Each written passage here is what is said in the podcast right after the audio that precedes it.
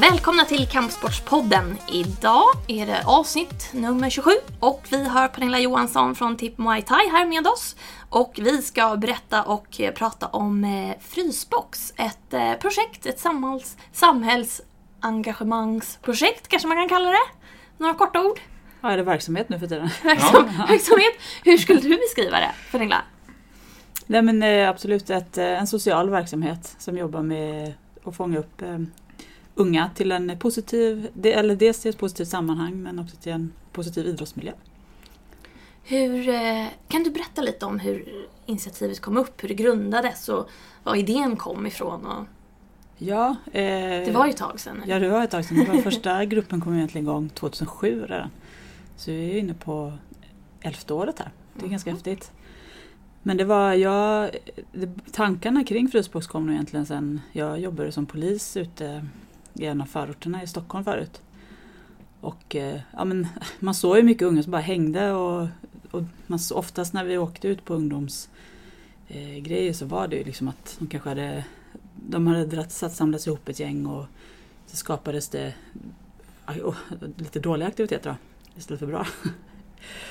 Och då, eh, så, sen eh, slutade jag, jag var själv fighter på den tiden och fick chansen att gå om en VM-titelmatch. Och då sa jag upp mig från polisyrket för att satsa all in på det. Och efter det så startade jag de här grupperna bara för att, ja, men vad kan jag göra som med min idrottskarriär och det som jag brinner för. Så då startade jag för att få, få in ungdomar till att göra någonting istället för att bara hänga ute så. Det var väl lite de här broarna man, man tänkte på själv. Liksom, att om de gör någonting positivt så kanske det här kan minska liksom, på sikt. Så då eh, skapade jag eh, dels för, eller, första grupperna var egentligen ganska inriktat på de som redan var utsatta för brott så här. Och tjejer i en ganska mansdominerad värld som kampsporten i alla fall var förut. Det är fortfarande det men det är mycket mer tjejer idag. Men då skapade ett forum där tjejer, unga tjejer kunde komma in och träna. Och, och eh, då riktade de mig till brottsoffer först. Och så pratade vi om eh, Dels fick de träna självförsvar och så här och sen så fick de prata om den här eh, Kanske om de hade råkat ut för någonting eller utsatt andra. Alla i samma case då. Men så pratade vi om vad är självförsvar, vad har man rätt till och säga, när kan man säga stopp och vad går mina gränser och vad säger lagen och så här. Och det var lite så det började eh, till att växa fram vad det är idag liksom. Kort summering. Mm. Vad är det idag då? Jag, jag skulle bara säga Ja. det, vi kan ju säga det att eh, det här med eh, ökade tjejer i kampsporten, det är ju två mot en här i, idag. Två tjejer mot en, en, en kille då. Range är ju inte här, det hade varit kvitterat annars. Då hade det varit... Eh, men, men hur ser projektet ut idag?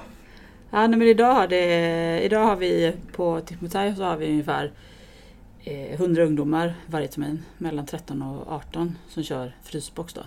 Och då kommer de dit och så har de en timmes träning och sen så har vi en timmes dialog. Och idag handlar dialogen om, självklart har vi med det här med självförsvar och eh, alla de bitarna, det är ju en jätteviktig bit. Och framförallt inom kampsporten att lära sig vad har man för skyldigheter och rättigheter och vad har man för ansvar då när man kan kampsport. Men sen pratar vi också om allt som berör ungdomar. Om normer, kulturer, attityder, eh, självstärkande övningar, värderingar.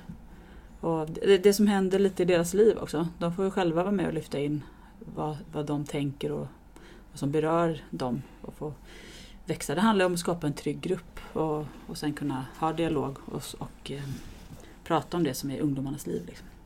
Jag tänker lite att, eh, precis som du säger, att det kanske inte finns så många sådana plattformar idag för unga människor att samtala om problem eller samhället, vad som händer med just vux, en vuxen samtalspartner.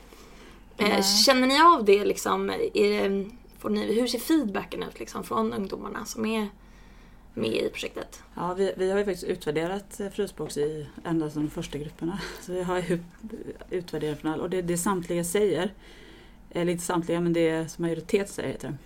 Det är ju att eh, de, dels att de trivs i sammanhanget och att de känner sig trygga i miljön. Det är det som gör också att de vågar prata, att de vågar öppna upp sig. Vi, vi ser ju och har sett i stort sett varje grupp har sett likadan ut. Den här, det är en annan stämning när gruppen börjar. Det är lite otryggare. Men sen när, det, när de har kört en period då, oftast eh, kanske två terminer, Då är det en helt annan stämning. De tar in varandra på ett annat sätt, de lyssnar på varandra på ett annat sätt och de har en helt annan förmåga att ta in nya tjejer som kommer. Och så, här. så man ser alltid de här förändringarna komma och det handlar ju om trygghet och att de har fått dels med att lära sig sätta ord på saker också tror jag. Ja, för jag tänker, ehm, nu, när jag växte upp då, då fanns det liksom inga fritidsgårdar eller något sånt där. Men mina syskon Mm. som är en, en tio år äldre än mig som är liksom en Inte? annan... Fanns det inga fritidsgårdar? Var fan växte du upp någonstans? Hässelby! Aha, ja, det, det säger det mesta. Eh, Nej, nej Nej, men det, åsido. det Mm. fanns faktiskt inte Nej. det. Eh, men min syster, Mm. eh, som är tio år äldre, eller mina två systrar, eh, de hade ju den och det var liksom en naturlig del i deras vardag. Så man gick i skolan, man kanske hade någon aktivitet, någon idrottslig aktivitet efter. Eller så gick man till fritidsgården och hängde, det fanns vuxna där. Alltså nu hänger ju visserligen, vi hängde ju vid en kiosk då istället. Men det var ju inte så många vuxna där som var, kunde liksom vara med oss eller kunde liksom vi kunde ha en dialog med eller något sånt där. Mm. Ehm, och det verkar inte vara så jätte... Man ser ju vissa initiativ. Jag senast i morse såg jag några inslag på morgon-tv om, eh, om att de hade startat om en, en typ av tjejgrupp faktiskt för att motverka eh, psykisk ohälsa. Eh, som jag nästan tyckte, ah, men det här är ju en fritidsgård. Så som jag har uppfattat att det var. Eh, så det känns som att sådana här initiativ ändå är på väg lite tillbaka. Att, att samhället kanske känner ett större och större behov av det för att man ser konsekvensen när det inte finns någonting. När det är liksom, ja men hänga ute runt bostadsområdena och det inte finns någon riktig, eh, inget samtalspartner men heller kanske ingenting vettigt att göra. Och så Nej. hamnar man lite fel. Jag tror, jag tror man växer själv alltså som individ och får vara i ett sammanhang och få ta ansvar och, och liksom få vara i en grupp där det också ja, men blir lite den här tryggheten. Det finns väl, man kan göra samtalsgrupper som kanske träffas då och då, liksom, men just den här kontinuiteten tror jag är viktig. Man vet att det är samma tid, samma plats. Där tror jag kampsporten är så, jag tror kampsporten har så himla mycket att ge. Alltså, inte bara thaiboxning men alla, även de här traditionella kampsporterna. Det finns en disciplin, det finns en tydlighet eh, som många ungdomar tror jag trivs väldigt bra i. Man kliver in i en, en, en ganska ändå fostrande miljö. Liksom, där det, man, man får en hård träning, man skapar en trygghet och sen har vi använt då det här till att bygga upp en, en ganska utvecklande dialog. Liksom. Och det är just att det sker kontinuerligt varje termin, 20 gånger varje termin, år efter år efter år. Så, här. så det är inte bara Mm. någonting som ploppar upp och försvinner, utan ungdomar kan alltid komma tillbaka. Så här. Trygg ram. Mm. Nej, alltså, jag tycker det är väldigt intressant. Och nu, nu, nu, ni har ju hållit på nu 11 år, som du sa. Ja. Mer eller mindre. Alltså inne på elfte i alla fall. Då måste du kunna ha sett liksom, den här uh, utvecklingen individmässigt på väldigt nära håll. Mm. Då tänker jag mig lite, eh, hur, hur, ser, hur ser de människorna ut som var i projektet tidigt? Hur ser de ut idag, 11 år senare? Alltså, Ja, men vi har ju faktiskt eh, följt upp en del. ja. Ja, och det är de tjejerna som man kanske haft, eh, mycket är ju lätt att följa upp i med Facebook och så här. Dialogledarna kan ha kvar kontakten och så här. Och det är, många ska få sig bra jobb, jag har sett någon har gift sig och liksom Det har varit eh, många tjejer som har varit väldigt oroliga för. Som jag har sett att det gått väldigt bra för. Någon har blivit eh, thaiboxas, eh, inte hos oss längre, men flyttade och blev kör på en annan klubb och fightas och liksom har valt idrotten. Mm. Eh, och, eh, så det, det är jättekul att se. Men sen framförallt liksom, tänker på grejer som de har sagt under vägen. En del av de här tjejerna. Liksom, att, val som de har gjort att eh, när de ska gå match och så här. Att ja, men det var så lätt att säga nej till att ut och dricka med polarna för att de tyckte ändå det var okej. Jag ska ändå gå match i helgen. Liksom. Mm. Så finns det tjata på mig. Så här. Alltså det, sådana grejer kommer med, med på köpet. Liksom. Mm. Så det, ja, men det, det, den utvecklingen är faktiskt häftig att se. Svår att på något sätt förmedla och förklara. Vi ser det ju så tydligt med våra ögon, vi som jobbar med tjejerna Mm. och killarna framförallt. Eh, men det, ja, det är häftigt. Mm. Ja, sådana grejer är jätteroligt. Jag jobbade själv i ett, eh, i ett samhällsprojekt kopplat till en fotbollsklubb förut. Mm. Eh, och har ju själv sett en hel del liksom, individer utvecklas just från att ha varit ganska trasiga till att idag vara Mm. liksom, eh, familj och och hela den biten. Det, det, det är en enorm känsla. Eh, i, i, idag ikväll faktiskt ska jag spela pingis eh, och eh, av, på olika anledningar eller på olika liksom, eh, vägar så, så ska jag spela tillsammans med en kille som jag tränade i fotboll för en gång mm, väldigt länge sedan. Vi har inte Mm. sett sedan den tiden. Så det ska också bli lite kul och spännande att se. Ja. Ja, precis. Det är Idrotten förbrödrar. Ja men alltså det liksom för- föds ju nya. Ja. Jag tänker Mm. också att det är liksom en viktig, viktigt, eh, ja, nya kontakter. Liksom. Mm. Träffa nya vänner som man kanske inte hade träffat innan. Och att man kanske kommer nära varandra på ett lite djupare plan. Kanske lite snabbare just i och med de här dialogerna Mm. efter träningspasset. Mm. Liksom. Att det kan vara en... Man både tränar, man gör något aktivt tillsammans och sen så liksom Ja. Mm. problemlöser man tillsammans. Eller vad Det, det roliga är ju att många skriver ju i, när, de har, ut- när vi har ut- utvärderat då, att dialogerna har varit eh, att det ger mycket, att de Mm. just lär känna varandra. De säger ju det själva. Det var det så fint, vi fick faktiskt ett meddelande från Eh, en tjej ganska nyligen som skrev eh, hur mycket frysbox hade betytt för henne. Och hon skrev ett jättelångt så här. Och vad det hade gett henne idag och de verktygen hon skulle liksom flytta och plugga och så här. Och en annan, annan ort. Och det, det är också jättekul att få den feedbacken till, tillbaka efter så lång tid. Liksom. Men verkligen, då får man ju, får man ju bekräftelse på att, att projektet har liksom följt med och gjort en, en Men när det en kommer från ungdomarna själva så Mm. blir det så äkta. Liksom. Det är så här, ja, vad fint. Och det är kanske, och många, eller man kanske inte förstår det just då men nu efteråt har de förstått så här, Mm. vad, det, vad det egentligen gav. Liksom. Ja. Frys, Frysbox har ju med all rätt blivit väldigt uppmärksammat inom idrottskretsar och så. Det var ju Idrottsgalan något år och väldigt mycket Ja, eh, medial uppmärksamhet också. Sådär. Mm. Eh, hur har hela den resan påverkat eh, dig också?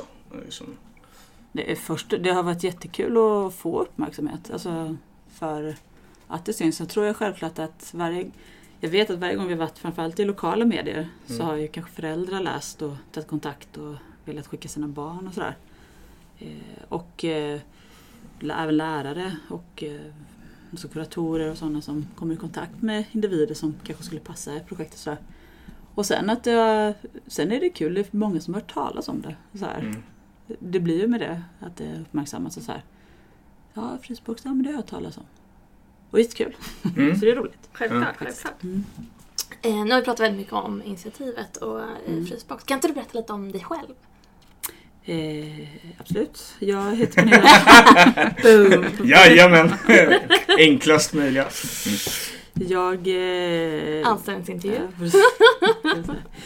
Ja, men jag eh, ja, eh, eh, har hållit på med kampsport sedan jag var 14 år. Jag är 43 då, så det blir några år. Jag kände väl ganska tidigt att jag hittade min passion i livet. Så här. Det här var, jag hade provat massa idrott innan. Jag har alltid hållit på med någonting men det här var verkligen, det här är min grej. Jag tyckte det var, det kändes så rätt, det kändes som att komma hem. Liksom. Eh, Så jag började tävla ganska tidigt och eh, kom med i landslaget i taekwondo 98. Och körde på där i sex år. Det, var, det har ju varit en eh, jättestor del av mitt liv.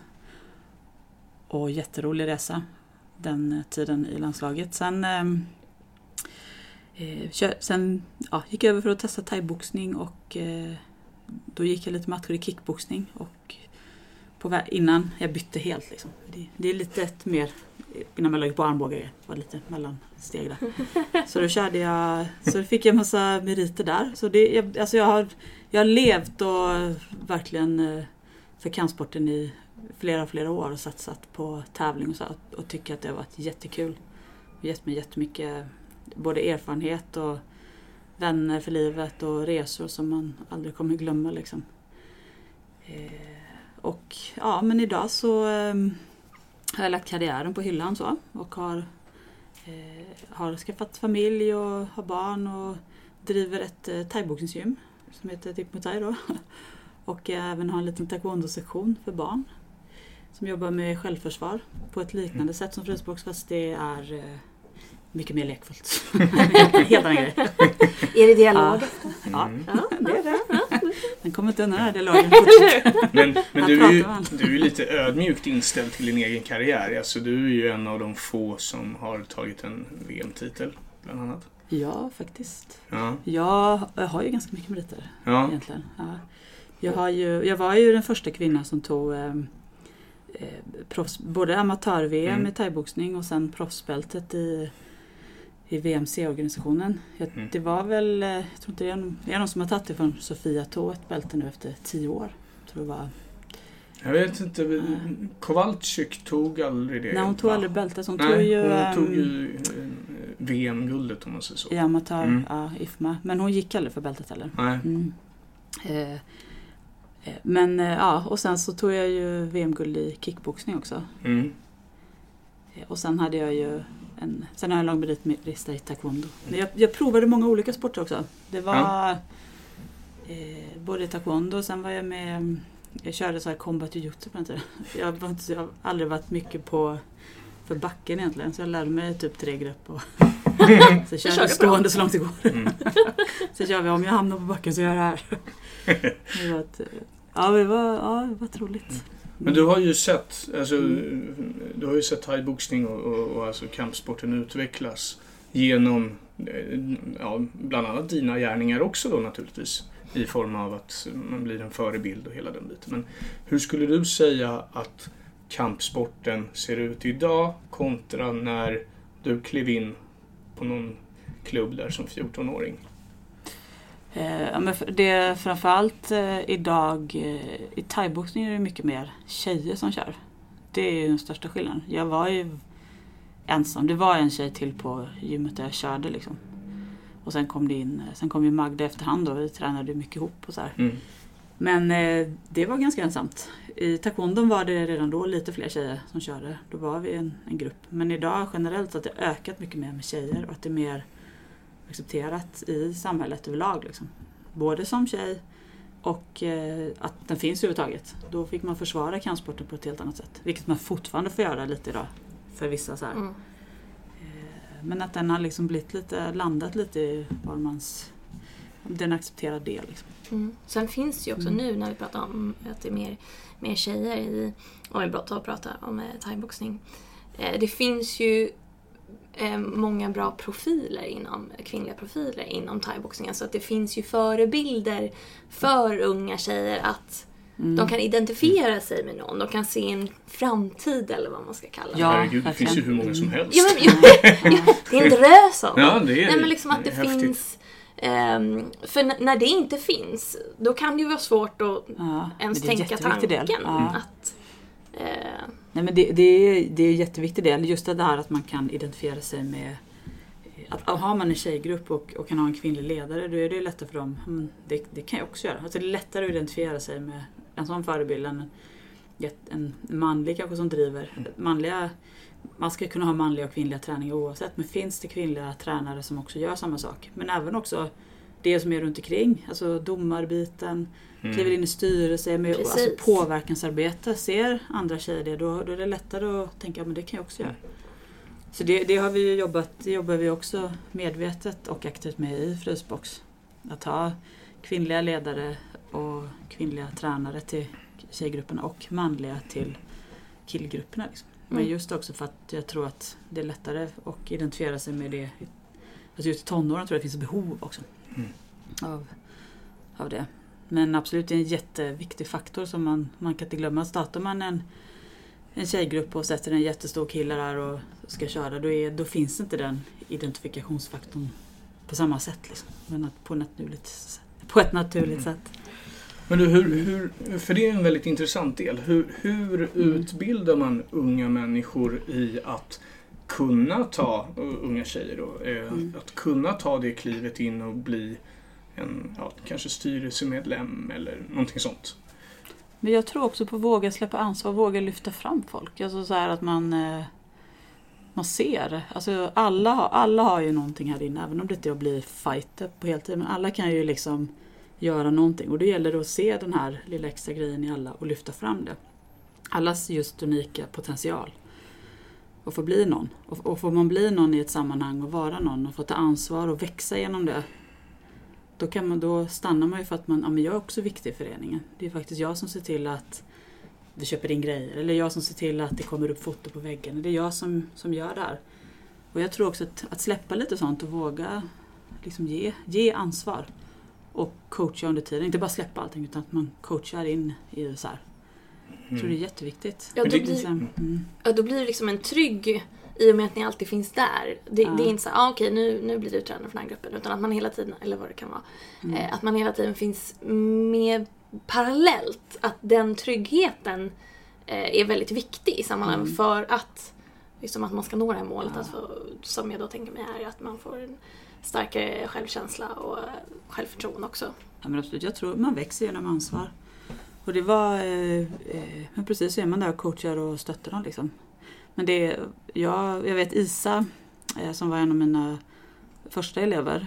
Eh, hon är ju världsmästare idag och, Mm. driv, och tränar i frysbox och driver på klubben och så här.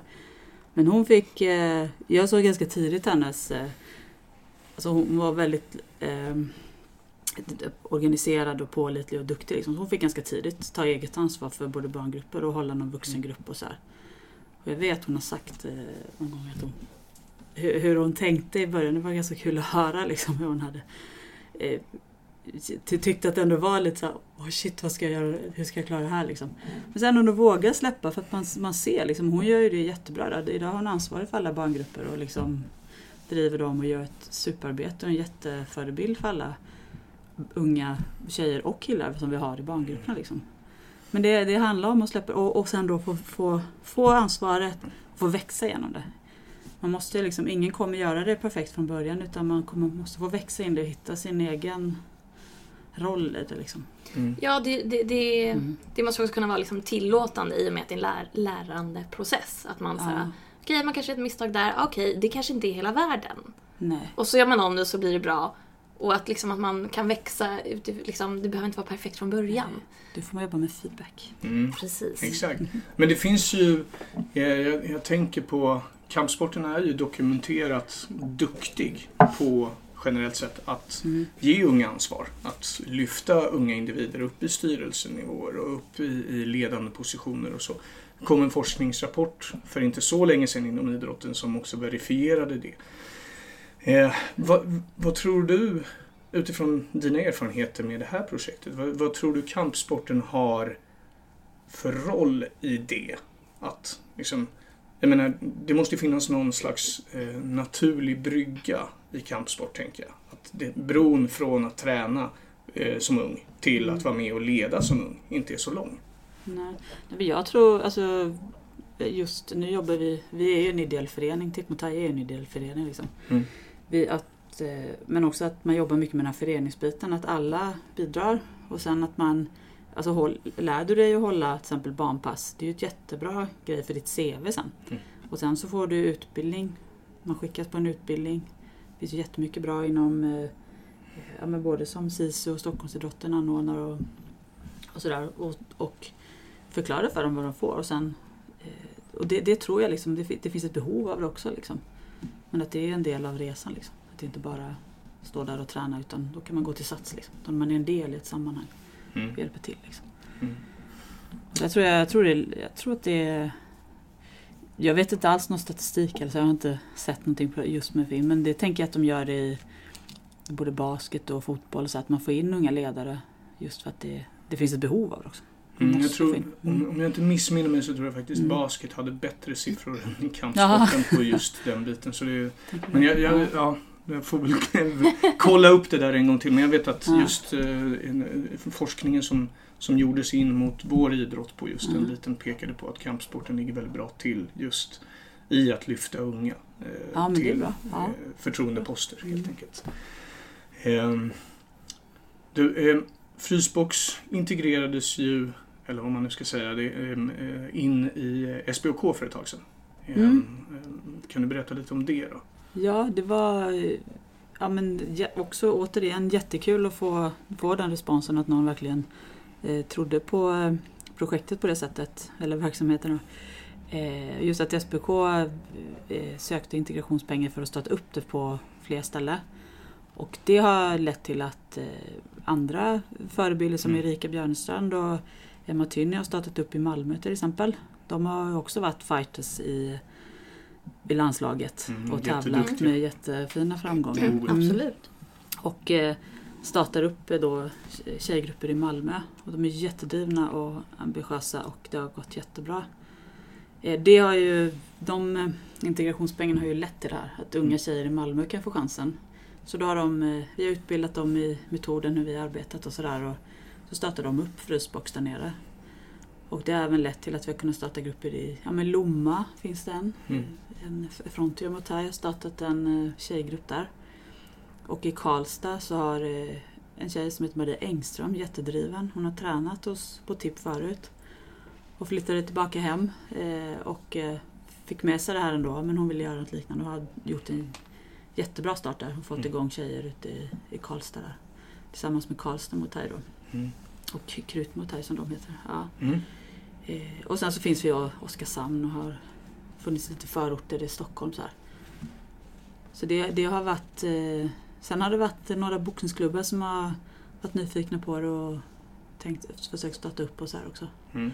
Men det, det krävs ett engagemang för att driva frysboxgrupper. Alltså det, alla som driver en förening vet att det krävs engagemang att driva en förening. Och det, det är samma sak. Man kan, tar man på sig det här och gör det, då måste man göra det all in. För det, är- det är våra ledord, det är liksom närvaro och engagemang. Liksom. Det, det kommer aldrig gå om du inte har det. Liksom. det. Man måste finnas där och verkligen vara där varje gång och jobba med allting som behövs runt omkring. Liksom. Mm. Frysbox har ju varit väldigt, vad ska man säga, eh, Mm. Muay Thai-inriktat. Eller det Mm. har i alla fall blivit så. Eh, låt säga att jag eh, har en aikido-förening. Skulle jag kunna starta Frysbox inom aikido då också? Ja, absolut. Det, det går att applicera på all kampsport. Det handlar egentligen inte om vilken kampsport det är. Det handlar om vilket ledarskap det är. Och vem som är förebilden och vem som är personen. Alltså, jag tror inte det passar alla att- att driva frysbox. Utan alla, alla, man kan jobba på så många olika sätt inom kampsporten. Så här.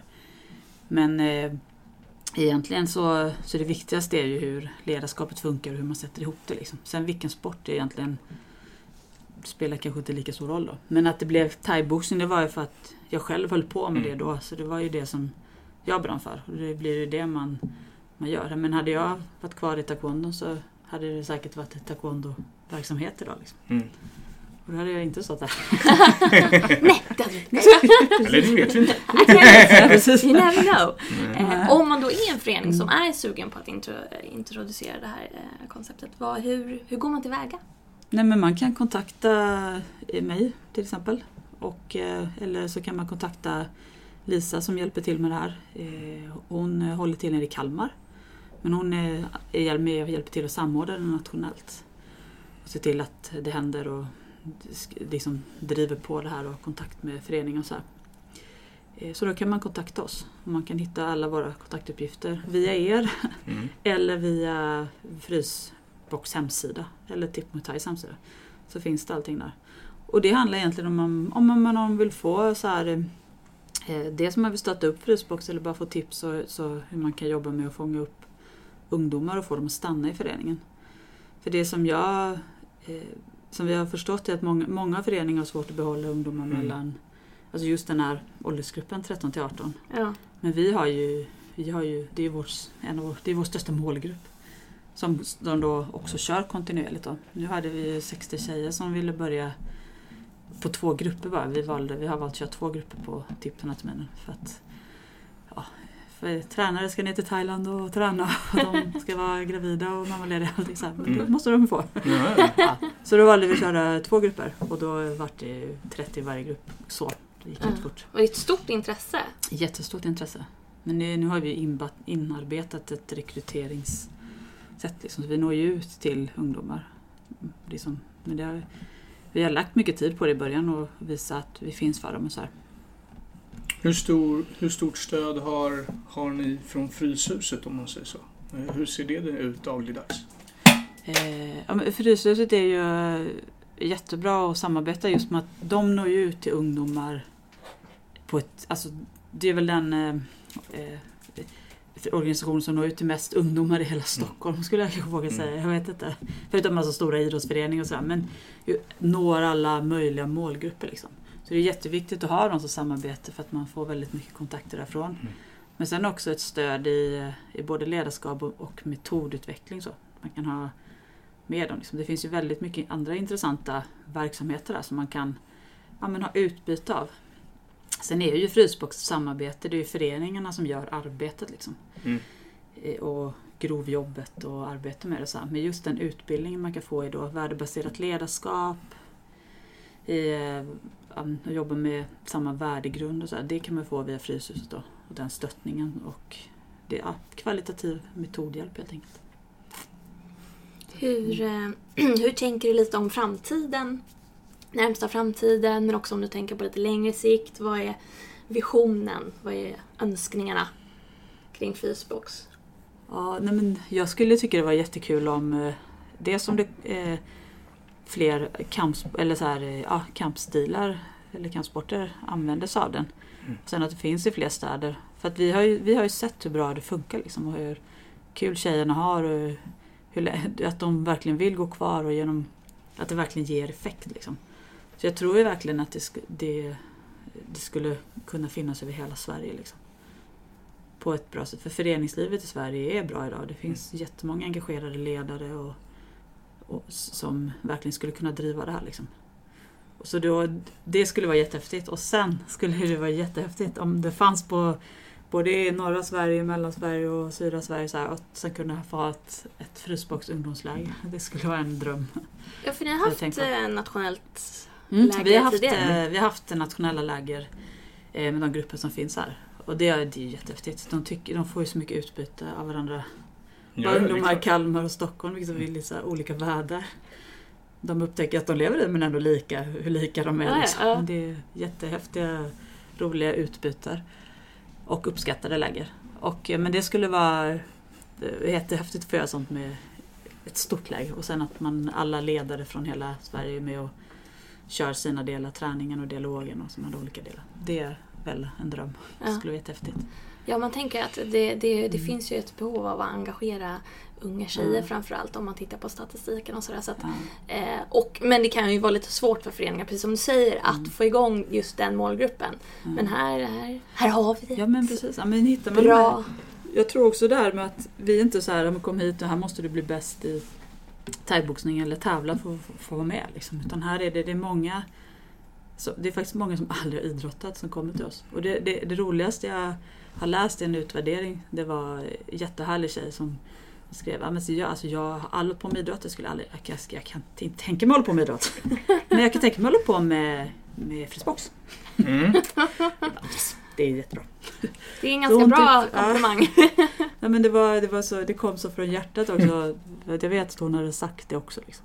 Mm. Men då att eh, hon såg det liksom inte bara som en idrott. För hennes upplevelse av idrott hade tidigare varit liksom att man skulle prestera, man skulle se ut, det skulle vara så mycket saker som hon inte, inte trivdes med. Men här kunde hon bara vara sig själv. Liksom, och, Mm. och hon fick röra på sig. Det kändes ju som helt naturligt och var en kul grej. Liksom. Och jag tror det är det som också är fokus. Då når man den här målgruppen. Liksom. Så gäller det att kunna sålla ut de som verkligen vill bli duktiga och vill växa och att de får gå vidare. Och så här. Men då ska det ju vara, du tycker ju de andra tjejerna oftast att det är jättekul. Ja, men någon i gruppen har blivit så duktig och då, vi åker med på tävlingen. Så, så har de ju en jättestor hejaklack sen Mm. i fri, blåa frysboxtröjor som står och ja, heja, heja. Så det är, då blir de också viktiga. Så det är, alla är lika viktiga liksom. Alla kommer inte bli fighters. Vad är det väl? 10% som tävlar av alla som håller på med kampsport eller Ja, någonting sånt, så, ja. Mm.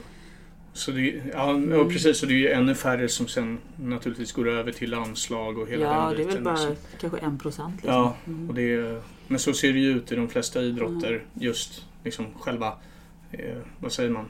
Föreningen. Nej, ja, Mm. precis landslag och hela den biten. va. Det är, ju- Mm. alltså, det är en väldigt liten del såklart som når dit.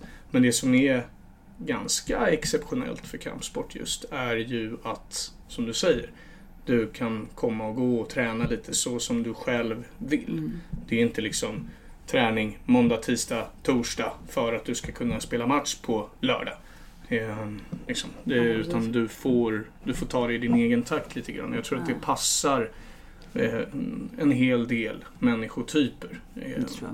Mm. jag tror att den andra delen passar sämre. Jag, jag tror det är därför som gymkulturen har blivit så pass förankrad i, vår, i, vår, i vårt samhälle idag. Att man kan liksom komma och gå dit som man vill lite grann.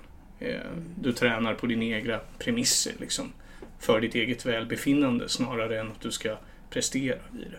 Men samtidigt där tappar du ju sammanhanget lite. Ja men precis, här får man ju Ja, precis. Mm. Exakt. den Va? grejen plus Ja. gemenskapen. Exakt. Så det är egentligen, Mm. ja. Nej men precis och sen att eh, Men ändå så är det så viktigt i kampsport att man hjälps åt. Liksom. Du behöver någon som håller mitt och du behöver Mm. någon som peppar dig. Och jag tror ingen hade blivit så bra fighter och kommit så långt om man inte haft något stöd runt omkring. Liksom. Nej, nej. Man behöver det med. Så. här. Det är ju, jag vet när man tävlade på landslagsnivå själv så var ju landslaget var ju där lyfte man ju varandra på ett sätt. Det var i alla fall i, i taekwondo ITF-landslaget. Jag var inte med så länge i thaiboxningslandslaget. Jag körde bara amatör-VM ett år. Men det var ju en otrolig sammanhållning. Och man tävlade och peppade varandra och man var verkligen ett lag. Sen när man gick upp på mattan så var man själv. Mm. Helt ensam. Mm. Ja, men det kan jag verkligen verifiera. De, de landslag Ja. jag har rest med eh, under mina år här Mm. har ju alla varit otroligt tajta. Där Mm. liksom, man har verkligen känt att oj, eh, liksom, de här kan det här med att bygga lag. Mm. verkligen. Och det, är, Ja, det är en alltså- viktig grej tror jag. Ja, jag tror det också. Jag tror det är en väldigt viktig grej. Eh, Och det, jag tror det är den grejen som gör att kampsporten är så pass framgångsrik i Sverige. Just den här eh, vi-känslan fast man är ganska ensam liksom, i, i ringen ändå. Mm. Jag, jag, jag är helt övertygad om det. Mm. Du, är, du dök upp i taekwondon här för ett tag sedan också. Mm. Igen. Ja, Vad, vad, vad var det om? Eh. jag måste bara... Nej men jag, alltså taekwondo, taekwondo ITF som jag har kört, ja. Det är ändå min så här, eh, hjärtesport. Liksom. Mm. Det är ju det som, det är där jag har växt in i kampsporten och det är där jag verkligen har lärt mig min grund. Så. Mm. Och tycker fortfarande att taekwondo är väldigt, väldigt kul. Jag ska inte säga vilka som är roligast, de är roligast på helt olika sätt. Liksom. Thaiboxning och taekwondo. Men taekwondo är verkligen någonting, diplomatiskt svar. ja, måste vara det då. Inte alls. Eh, det men sen så... Eh, alltså jag, jag ville nu när jag kände att min egen fightingkarriär var över. Jag fightade så länge i taekwondo och eh, Mm. då blev det så här, men nu vill jag vidare. Jag är som så person, jag vill liksom vidare. Eh, så här. Och eh, testa nya saker. Och då ville jag testa fullkontakt. Mm. Och, och thaiboxning. Så jag provade lite olika gym och valde VBC. Och trodde på liksom, ja men här, här ska jag köra och de kommer, här kommer jag säkert kunna få gå en match. Fick jag och eh, de eh, skickade ner mig och, eh, och, och tävla och testa det. Sen har jag liksom blivit kvar i det. Men nu känner jag att när jag själv lägger av då, eh, då vill jag gå tillbaka hit. För att det, jag vill ge det här också till, till ungdomarna. Jag tycker att det är två lite olika världar och passar lite olika ungdomar Mm. och lite olika människor. Taekwondo och thaiboxning tror jag. Mm. Men det är lite skillnader, man jobbar på olika sätt. Liksom. Så startade jag upp eh, även barngrupper då, som kallas för Tigrarna. Som också är, det handlar om att alltså, på ett lekfullt sätt få, men ändå få prata om och lära sig självförsvar.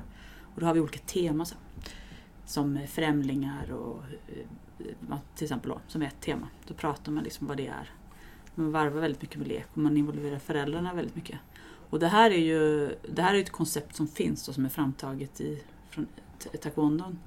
Och det är min eh, gamla moderklubb med Håkan Hansson i spetsen som är min tränare och en av, en av mina förebilder genom min kampsportskarriär. Han driver det. Så att, då tog jag kontakt med honom och sa men jag vill också köra det här. Vi vill rikta oss till barn. Det riktar sig till barn 4 till 7 år. Då.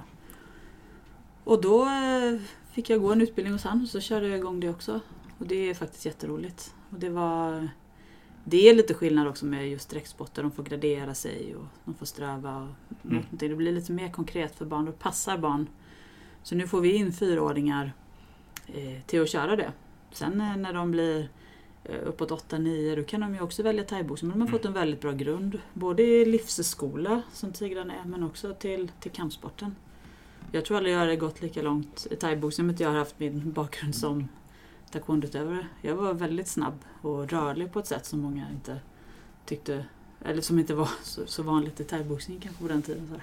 Man har kanske också övat upp sitt sinne för så här, koordination och Ja, man men har lite verkligen. den ja. eh, ryggsäcken med sig. ja, precis. Man får med sig mycket bra verktyg. Liksom. Ja. Men du får rätta mig om jag har fel, men visst Mm. var du med och tävlade här för inte så länge sedan också i taekwondo? ja, just det. det var det. Ja. Jag körde ju en liten, en liten comeback där. Men Ja. det var ju för att de har ju också eh, så eh, World Cup och Eurocup och då får ju alla då kan man hoppa in och tävla, då behöver man inte vara i land, landslaget någonting. Och sen har de seniorklasser, så då tävlar jag i eh, damer plus 35 då. Mm. Mm. Och det var, det var jättekul att dra på sig dräkten och hoppa in och tävla igen. Men det var svårt att ställa om från att ha tävlat så länge på i thaiboxning där man kanske inte är lika rörlig och sen så, så råkade jag hamna i en i, viktklass som var plus 55 för vi var inte jättemånga tjejer. Så jag blev diskad. På hård kontakt. Jag bara va? Nej, Eller jag var inte så överraskad. Så. Nej, eller jag tänkte såhär, mm, Det var kanske inte så konstigt ändå. Nej, Viskade i Nej det comebacket. var, så det var lite tråkigt. Ja, det blir lite tråkigt. Men kul ändå att få köra. Ja men det var jättekul. Sen körde jag landslaget där ett år också. Mm. Med, tillsammans med min gamla landslagskompis Helene. Så då körde vi eh, tillsammans och det gick till Italien. Men då när man kom upp på den nivån då kände jag att man, har inte, alltså man måste träna precis på det sättet under mycket längre tid. Även om jag har tränat och hållit igång så hade jag då körde jag, skulle jag köra 63 och jag kände mig, man var liksom, hade tappat lite av den här rörligheten som var så otroligt viktig. Så det var, jätte, det var jättekul att, att vara med igen och köra så. Men då blir man påminn hur mycket man tränade på den tiden. Verkligen. Så. Ja, Sugen på en sån satsning igen då? eh, alltså både och. Jag, jag, om man tänker så här, varför, ibland brukar jag tänka varför, varför gör jag det här egentligen? Så här. Man lägger mycket tid och Mm. mycket, mycket engagemang i så här. Men det är ju också att jag, jag tyckte det var så himla kul att tävla. Det är ju det egentligen som, som är min grund till, till varför jag började med. Så man ska väl aldrig säga aldrig. Men sen så tar ju livet andra vändningar. Liksom. Mm. Och det är svårt så här, ja, men nu när man har dels driver gymmet men också har en, eh, en dotter att tänka på så här och hur ska man få den tiden att träna så hårt? Jag vill inte gå in och göra en så här halvdan comeback igen. Nej. Nej, men klart. Är man tävlingsmänniska då vill man gärna gå in och all in. Ja, precis. Om möjligt Så. liksom. Så får vi leva på gamla bitar. Nej men det, det skulle vara självklart kul. Det, det skulle, jag skulle klara det också. Vi får se. hur, hur ser Mm. framtiden ut då för Frysbox igen? Alltså, och då menar jag rent konkret här. Mm. Eh, inte liksom visionärt så. Vad, vad, vad händer nu? Eh, nej men nu, vi, vi matar på med våra grupper liksom. För vi har ju konstant intag av, av unga tjejer och killar som kommer. Liksom. Så vi kommer Mm. köra på dem. Vi jobbar hela tiden med att utbilda nya ledare och dialogledare. Det är ändå, det är ändå 11 år, det behövs bytas ut några. Man ska inte göra allting själv, det går inte. Eh, och sen även att eh, ja, men förvalta de grupper som har startat nu i Malmö och hjälpa dem så gott det går till att verkligen komma igång och få samma effekt som vi har här. Liksom. Att det spinner på av sig självt. Liksom. Och eh, ja, Karlstad och Lomma och Oskarshamn också självklart. Men liksom stötta dem i allting. Och sen så hoppas vi ju...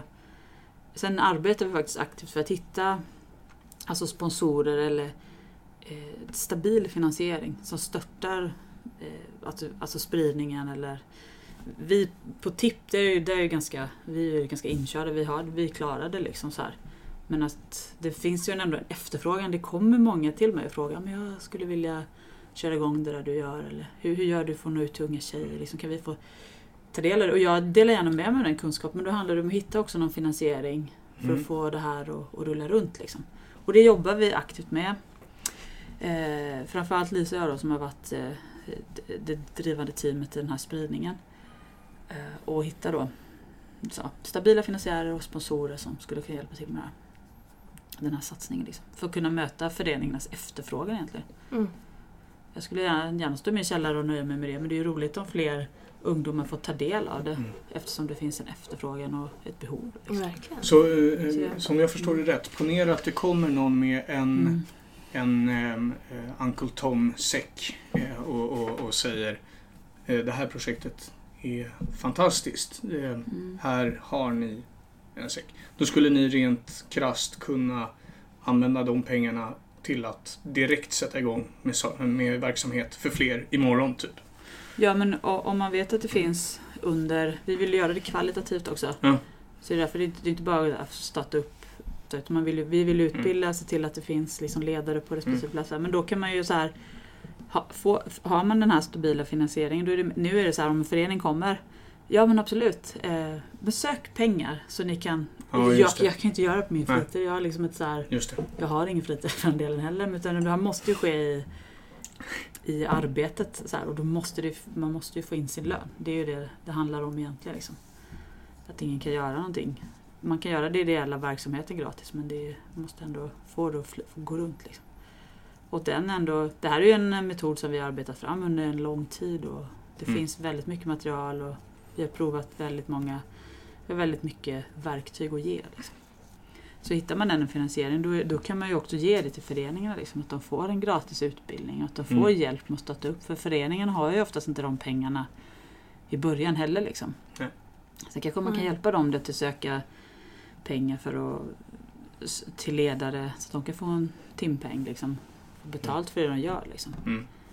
För det är, mycket kan man göra ideellt men där jag anser själv att, att göra frysbox riktigt kvalitativt. Det, visst, du kan gå in några timmar så här, men att kunna ge någon timpeng eller några bra utbildningar. Eller, alltså, Man Mm. kan ge olika saker till ledare. Så här. Det är lite också vad alla vill ha. Men att kunna stötta de ledarna att verkligen få känna att de här timmarna är värdefulla och lägga någonting på. Liksom. Ja men precis och det blir Så, en eh, mm. kvalitativ eh, produkt eller vad Ja, man ska säga. Ja, I verkligen. och med mer utbildning och... Ja. Så kommer han, Mm. den där snubben och snackar så han så välkommen. Uncle Så- Tom. Ja, Uncle Då Tom. ger vi honom ditt nummer. Mm. Nej men alltså, Det går bra. för ni har ju varit väldigt bra på evalueringsarbetet också, vet jag. Eh, I form av att ni har gjort kalkyler på vad det här typ sparar samhället i kostnader och så Ja, vidare också. Precis. Så det Mm. finns ju en sån, eh, Mm. eh, en sån stöttning att få av er, av er också om man nu råkar vara en företagsledare som lyssnar på det här eller en politiker eller eh, you name it. Eh, så det finns ju konkreta siffror på Ja men det gör det. Och det har vi faktiskt tagit fram med en nationalekonom då, Ingvar Nilsson. mm, Eh, jätteduktig. Som har då räknat på liksom vad, han har räknat på mycket olika saker men då tog, valde de att göra ett specifikt socioekonomiskt bokslut för, för frysbox då. Och vad räknade på vad samhället tjänar på att få in en ungdom i den här positiva miljön istället för att de går ut och kanske gör, gör då skadegörelse eller hamnar snett. Eller. Och det är ju ganska intressant att se det. Och det, det här Mm. förebyggande arbetet det kan man ju liksom aldrig veta. För går det bra för en ungdom eller individ så vet man ju liksom aldrig vad, hur det gått om det går fel. Men det man kan ta lärdom av är att man vet ju att skapar man de här bästa, rätta förutsättningarna så kan man förhindra väldigt mycket av det som sker. Om man går in i tidiga skede. Liksom. Där har vi alla ett socialt ansvar tycker jag. Att ta det. Så absolut, det finns hur mycket underlag som helst om de vill ha det. Eh, så det har vi ju också jobbat det får man väl tacka sin poliskarriär för. Man är väldigt bra på att dokumentera saker. va? Mm. Så det, det har jag gjort. Jag vet. Lite roligt, man började på Fryshuset. Det var nog inte riktigt... Att på den tiden, nu har man ändrat så, men då var det kanske inte så många som dokumenterade så hårt som jag, jag gjorde. Jag har sparat från första grupperna. Mm. och det har du ju nytta av idag. Absolut. Verkligen. Mm. Så Mm. det, finns, liksom- det finns utvärderingar, det finns eh, material, det finns socioekonomiska bokslut och det finns liksom... Sen är det alltid svårt att visa på ett mätbart sätt mjuk statistik. Liksom. Det är Mm. svårt. Ja, ja. Mm. Oh, ja. Oh, ja. Det bästa Absolut. är ju alltid det här dialogen eller samtalet som, som man har. Liksom. Man Mm. får berätta för någon vad man upplevt eller att de får se med egna ögon. Så här. Men Mm. det är ju alltid svårt. Och det är bra Mm. komplement Mm. att ha Mm. siffror. Verkligen. Man ska inte egentligen, tycker jag, kanske heller eh, räkna individers positiva utveckling i ekonomi. Men det blir ju lätt Mm. så. Eh, Ja, om folk ska gå in med pengar så Jag menar det. Men eh, det, det, är ju, det är ju framförallt individen som är i centrum och dens Ja, resa. Absolut. Och det, det tycker jag är liksom... Räddar man en individ så är det ju värt hur mycket pengar som helst. Ja, jag Ja. menar det. Ja, Jag menar det. det, har vi, ju- det har vi ju verkligen kvitto på att vi har fått in framförallt ja, de här ungdomarna på, på rätt spår. Och, och det ser man ju genom en hög närvaro. De kommer ju oftast innan träningen och bara hänger där. De vill vara där. Liksom. Det är häftigt att se. Mm. Verkligen. En liten minifritidsgård. ja. Fritidsgårdens comeback. Ja. Äntligen! Ja. Eller hur? Nej. Mm. Det har ju blivit uppmärksammat internationellt i bland annat eh, internationella thaiboxningsförbundet och sådär vet jag. Ja, men det har det blivit. Så jag fick ju faktiskt pris också. Eh, Spirit Awards Var det Malaysia VM Ja? Malaysia Ja, var det. Ja. Klassiker. För initiativet ja, till frysbox, det var också jättehäftigt. Så det, det blev uppmärksammat som ett eh, exempel på hur man kan arbeta med thaiboxning då, Mm. genom IFMA. Så det var, det var häftigt. Ja men det har varit jättekul att ha dig här Pernilla. Eh, vi Verkligen. hoppas att eh, massa företag lyssnar och eh, hör av sig. Ja, enkelt. det var jättekul att vara här. Mm. Kanske du kan fortsätta Mm. driva. Det finns ett stort behov av att fånga upp ungdomar framförallt Mm. unga tjejer till att göra en, en positiv aktivitet, aktivitet i ett positivt sammanhang. Liksom. Det behövs eh, stöttning. Så. Mm. Mm. Vi på förbundet är i alla fall väldigt stolta över Frysbox och vi är väldigt stolta över dig Pernilla. Också. Verkligen. Ja, vad kul att, tack så mycket. Jag är jättetacksam att jag fick komma hit. Mm. Ja, Vad roligt ni ville ha mig här. tack själv. Tack själv.